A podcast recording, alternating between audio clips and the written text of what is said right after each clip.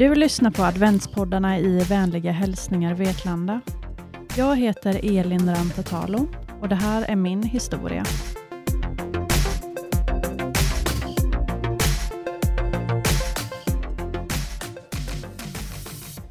Din fru kommer mest troligt dö under natten. Läget ser inte bra ut. Dessa ord tog min man emot från den spanska läkaren den 6 april i år. Och där låg jag, i konstgjord koma på ett sjukhus i San Augustin på Gran Canaria. Mitt liv skulle ta slut där. 31 år, småbarnsmamma och mitt i livet. Nu skulle allt vara över. Det var tidigt på morgonen den sista torsdagen i mars 2019. Solen strömmade in i det stora fönstret i våran hall. Hela familjen var glada och min man Olle bar ner våra resväskor ifrån övervåningen. Några minuter senare så satt vi alla fyra i bilen på väg till Jönköping.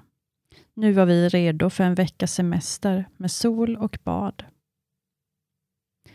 Vi hade besökt Gran Canaria samma tidpunkt året innan och vi förstod ju redan då varför det är så många svenskar som återkommer till ön år efter år. Efter ungefär sex timmars flygresa från Jönköping så landade vi tidigt på eftermiddagen i Las Palmas. Helt ovetandes om att jag inte skulle vara med på planet hem. Det var mulet och lite svala vindar men om tidigare erfarenhet så visste vi att den södra delen av ön, där vi skulle vara, bjuder alltid på finare väder. Det kändes bra att vara tillbaka. Lite varmare i kläderna än föregående år. Vi gick till bagagebandet för att ta emot våra väskor.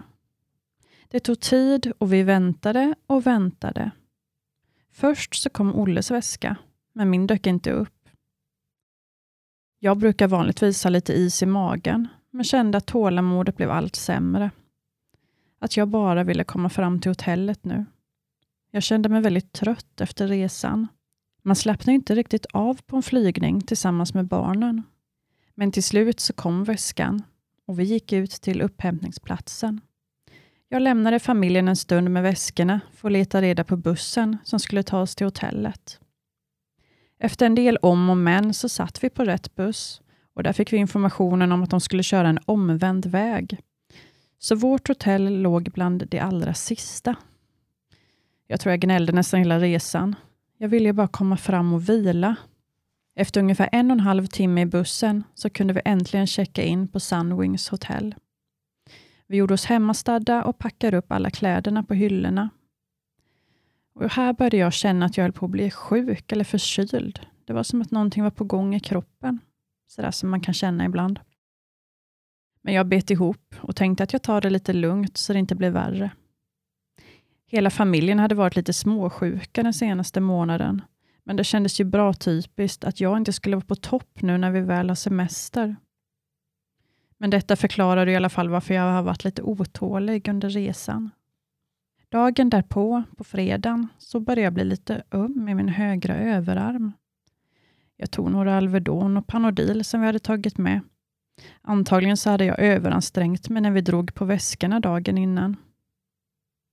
Men på lördagen när jag vaknade upp så hade jag ännu mer smärta i armen och värktabletterna som vi hade med oss började nu ta slut. Här började jag ana en eventuell muskelinflammation. Jag tyckte mig känna igen symptomen. Vi bestämde oss för att gå ner till centrum och besöka apoteket. Barnen fick köpa simglasögon och solglasögon eftersom vi hade glömt att packa ner dem. På vägen tillbaka till hotellet så stannade vi vid en lekpark en stund och sedan gick vi förbi en klippvägg med massor av ödlor. Det minns jag väldigt väl. Och när vi kommit förbi sista svängen och äntligen såg hotellet så kände jag att jag ville bara komma fram. Jag var fruktansvärt trött. Väl på hotellet så vilade jag en stund innan vi gick ner till poolen och badade. Senare på kvällen så gick vi ner till restaurangen för att äta, men jag hade verkligen ingen matlust. Jag mådde inte bra. Men efter middagen så kikade vi i alla fall tillsammans med barnen på kvällsshowen innan vi gick och la oss. På söndagen så vaknade jag med en smärta som hade spridit sig till nacken och skuldran. Och nu började även lite feber smyga sig på. Olle baddade det smärtade området med kalla handdukar. Jag hade väldigt ont, men vi skrattade lite emellanåt. Det har jag sett bilder på, eftersom Stella, vår dotter, har tagit dem med min telefon. Annars minns inte jag så mycket av den här dagen. Jag vet bara att jag kunde inte äta något och låg bara i sängen. Framåt kvällen och natten när barnen hade somnat så steg febern hastigt och jag började hallucinera. På måndag morgon den 1 april så kände jag att nu kan inte jag stå emot längre. Det går inte att bita ihop mer. Jag har så ont. Jag bad därför Olle gå ner till hotellets reception för att be dem kalla på läkare. Efter ungefär en halvtimme så kom en spansk kvinnlig läkare i min egen ålder och en norsktalande sjuksköterska. De undersökte mig på rummet och jag fick följa med dem för ytterligare kontroller. Olle och barnen stannade på hotellet. Jag skulle ju snart vara tillbaka igen. På vårdcentralen så fick jag dropp och information om att jag troligtvis hade drabbats av bältros, så jag fick ett recept i handen med antibiotika för sju dagar framåt. Skönt, tänkte jag. Bara medicinen kickar in så kommer jag kunna njuta de sista semesterdagarna. Men där tvärvände det. De sista provsvaren som vi väntat på kom. Mina infektionsvärden var skyhöga och en ambulans var på väg. Själv tyckte jag att allt detta kändes lite väl dramatiskt. Efter en dyr ambulansfärd så kom jag in på akuten på sjukhuset Klinika Rocca i San Agustin. Jag satt i en stor fåtölj bakom ett draperi i något som kändes i en evighet. Personal kom ibland och tog blodtryck och temp på mig. Efter en stund så fick jag följa med personalen ut. Och Det sista jag minns är att personalen bakom disken tittade på mig så omtänksamt med ett leende. Det är här mina klara minnen slutar och det är ytterst små frekvenser som jag minns om de kommande timmarna. Jag fick ett rum och en säng. Detta minns inte jag som sagt, men det finns bilder på min telefon som jag är väldigt tacksam över att jag tagit. Jag har även sett i sms att jag meddelar Olle vad jag är. Olle och barnen kom lite senare på eftermiddagen. Och vår son Cornelis han satt hos mig i sängen. Det har jag också bild på. Jag kunde inte äta något, utan bara kräktes och jag bad Olle köpa isglass för att kyla ner mig. Nu hade även midjan på min högra sida börjat svullna. Dag två på sjukhuset så besökte Olle och barnen mig igen. Olle har berättat för mig att inte han heller förstod hur illa det egentligen var. Jag pratade ungefär som vanligt, med uppehåll för smärtan som kom, likt en förlossning. Däremot var jag väldigt rädd och jag hade frågat Olle ifall det är så här det känns när man ska dö. På morgonen den 3 april kontaktar tolken från sjukhuset Olle och sa att jag har slutat andas. Jag ligger i respirator och konstgjord koma. Olle och barnen tog taxin till sjukhuset. Tolken mötte upp dem och sa att barnen kan vara i Svenska kyrkan och leka medan Olle besöker mig. Så de gick dit tillsammans. Det låg bara ett par hundra meter från sjukhuset. I Svenska kyrkan så fanns det en präst och två studenter. Barnen stannade kvar med studenterna för att pyssla och leka och prästen och Olle gick tillbaka till sjukhuset och in i rummet där jag låg. Mitt blodtryck var väldigt lågt och läkaren informerade att jag hade en allvarlig infektion i kroppen, att jag måste opereras. Tanken var att jag skulle flyttas universitetssjukhus till Las Palmas. Men under tiden de stod och pratade om det så blev jag snabbt sämre och i för dåligt skick för att flyttas. En överflyttning från säng till ambulansspår skulle ta cirka 15 till 20 sekunder och då måste respiratorn kopplas loss, vilket innebar att jag troligtvis skulle hinna dö. Så kort efter så kom det narkospersonal och kirurger ifrån Las Palmas ner till Klinika Rocca och opererade mig i ungefär tre timmar utan att veta om jag skulle överleva. Det hela var väldigt kritiskt.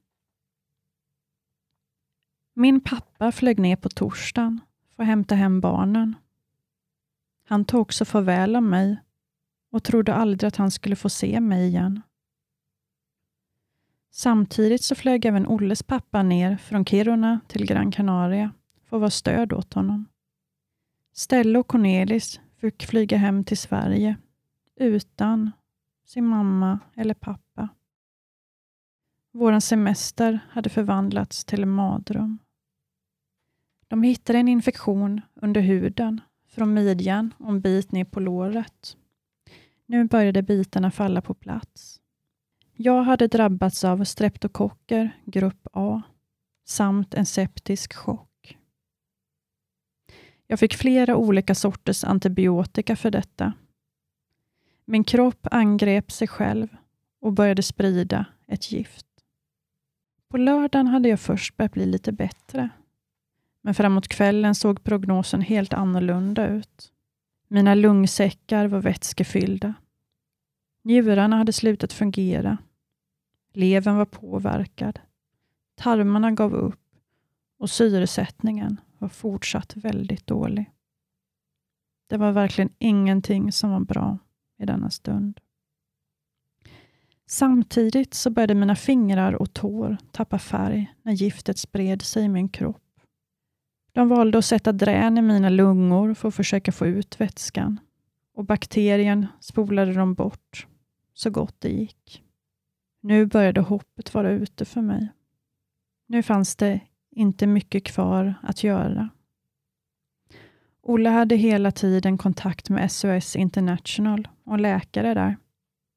Läkaren talade med kirurgen i Spanien och bad dem testa att lägga mig i bukläge för att avlasta lungorna. Men de spanska kirurgerna tvivlade först på att jag skulle överleva en sån vändning och var inte helt villiga att testa. Det tog en hel dag och mot alla deras odds så överlevde jag båda vändningarna. Men läget, det var inte bättre ändå. De berättade nu för Olle att jag hade så himla dålig syresättning, så jag kommer troligtvis dö under natten. Det var den 7 april 2019 som jag skulle dö. Min man skulle få resa hem till våra barn utan mig, deras mamma, med ett fruktansvärt besked. Du lyssnar på adventspoddarna i vänliga hälsningar Vetlanda. Det blev söndag morgon och sjukhuset hade inte ringt Olle.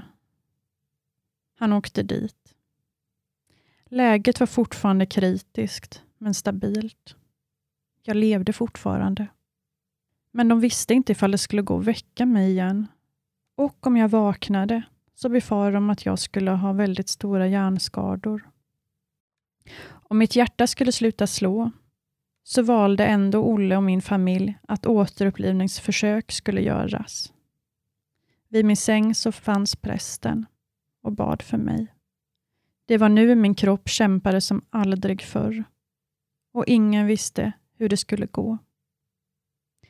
Jag hade stora sår som lades om flera gånger i veckan och det var här också mina värden äntligen började se bättre ut. Jag började repa mig.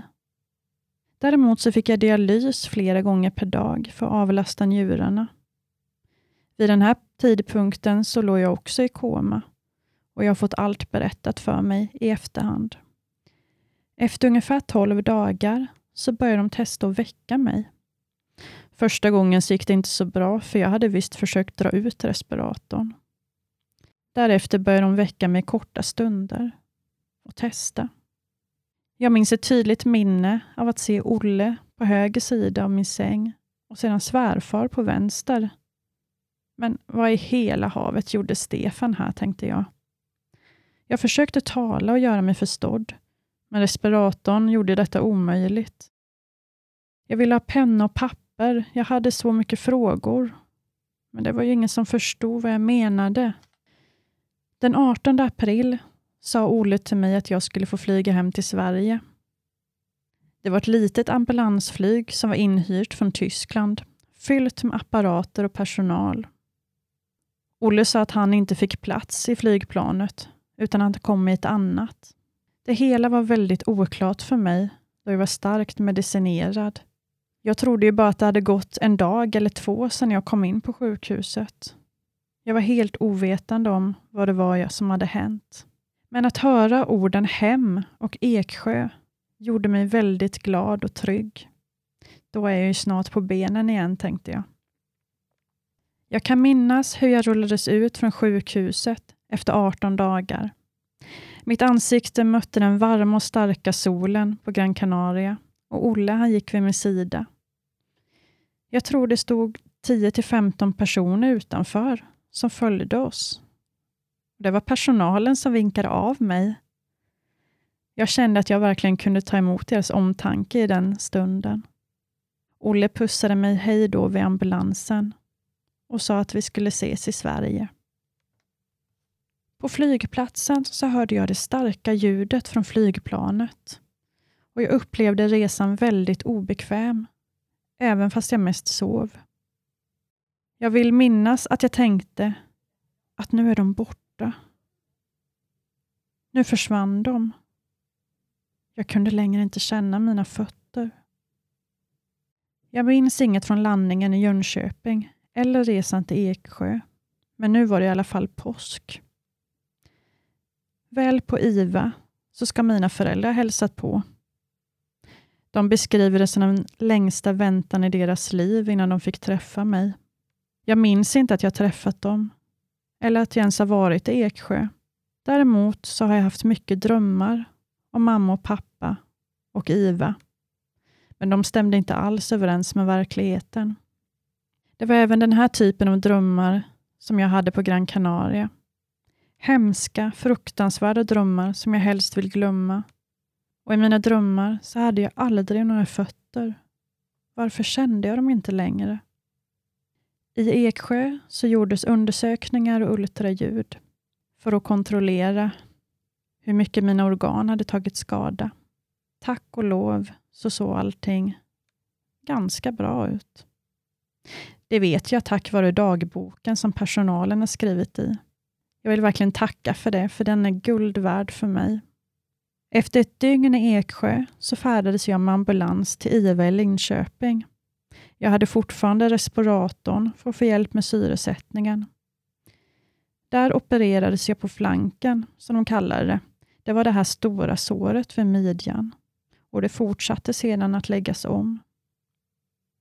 Jag hade besök varje dag av nära och kära. Men mina minnen är väldigt svaga. I slutet av påsken så tog de bort respiratorn och jag minns fortfarande känslan. När slangen drogs ut så kände jag mig helt tom inombords. Det var som att varenda organ inne i kroppen följde med slangen ut. Och denna tjocka slang, den hade länge legat och tryckt på mina stämband så jag hade ingen röst och kunde inte prata. Men det var ungefär här som min envishet började kicka in. Varenda vaken minut så försökte jag få fram ord. Jag låg i sängen och rakt framför mig på väggen så satt en teckning som min dotter Stella hade ritat till mig. Hon hade även skrivit sitt namn. Jag valde att fokusera på hennes namn och låg i sängen och sa Stella, Stella, Stella. Och efter mycket om och men så lyckades till slut det här ordet komma i min mun. Och Då ringde jag mitt första telefonsamtal till mamma. Jag tror vi grät lite båda två. Det var runt den 25 april som livet började klarna för mig här började jag känna att jag var med lite mer i huvudet och lyckades hålla mig lite mer vaken.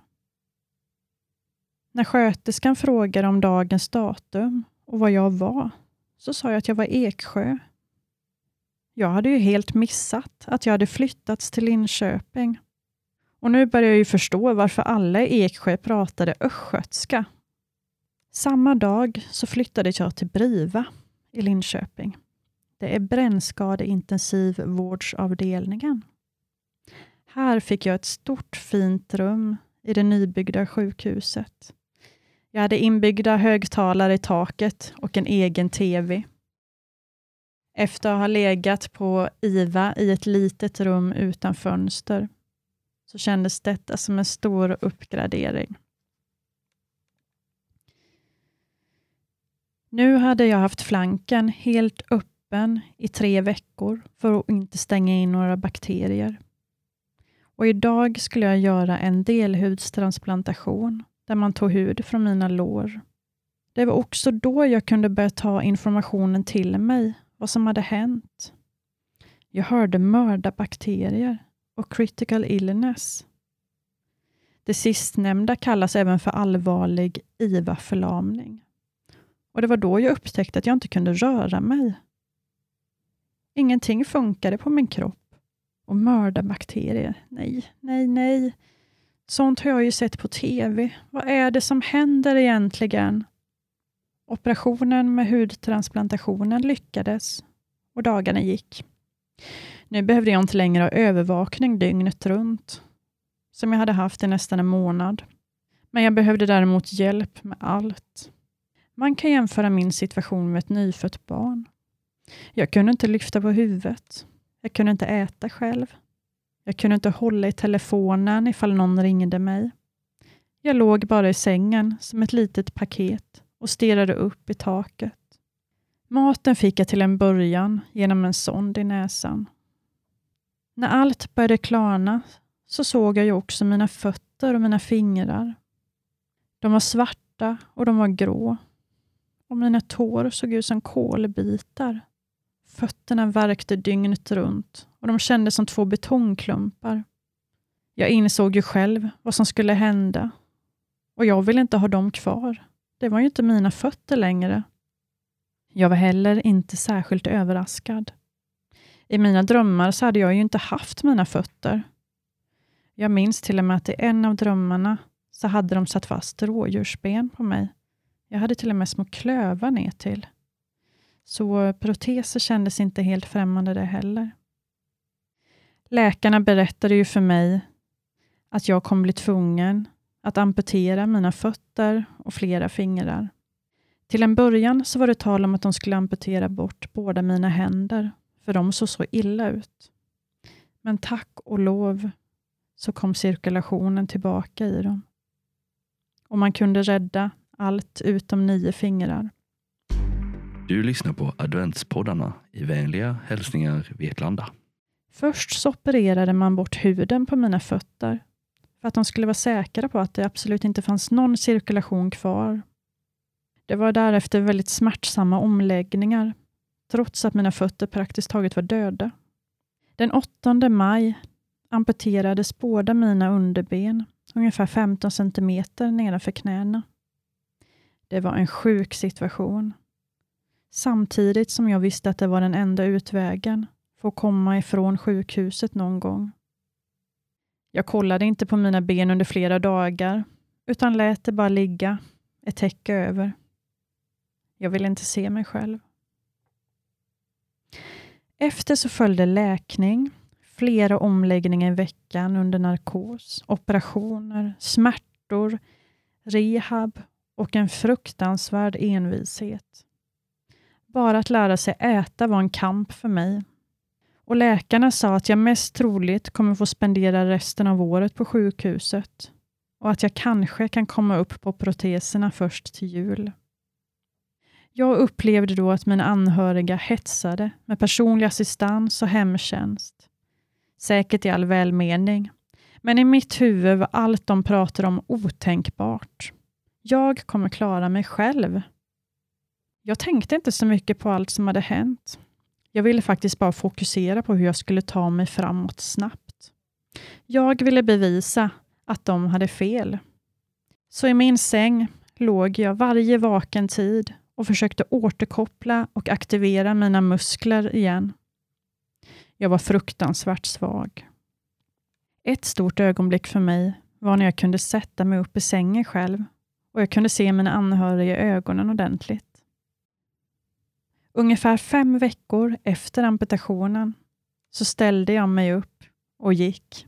Första gången jag tog på mig proteserna. Allt slit började ge utdelning. Jag valde livet givetvis. Jag har så himla mycket att leva för och nu känner jag mig mer levande än någonsin. Jag är fruktansvärt stolt över det jag tagit mig igenom. Bara positiva tankar och inget annat har fått ta plats i mitt huvud.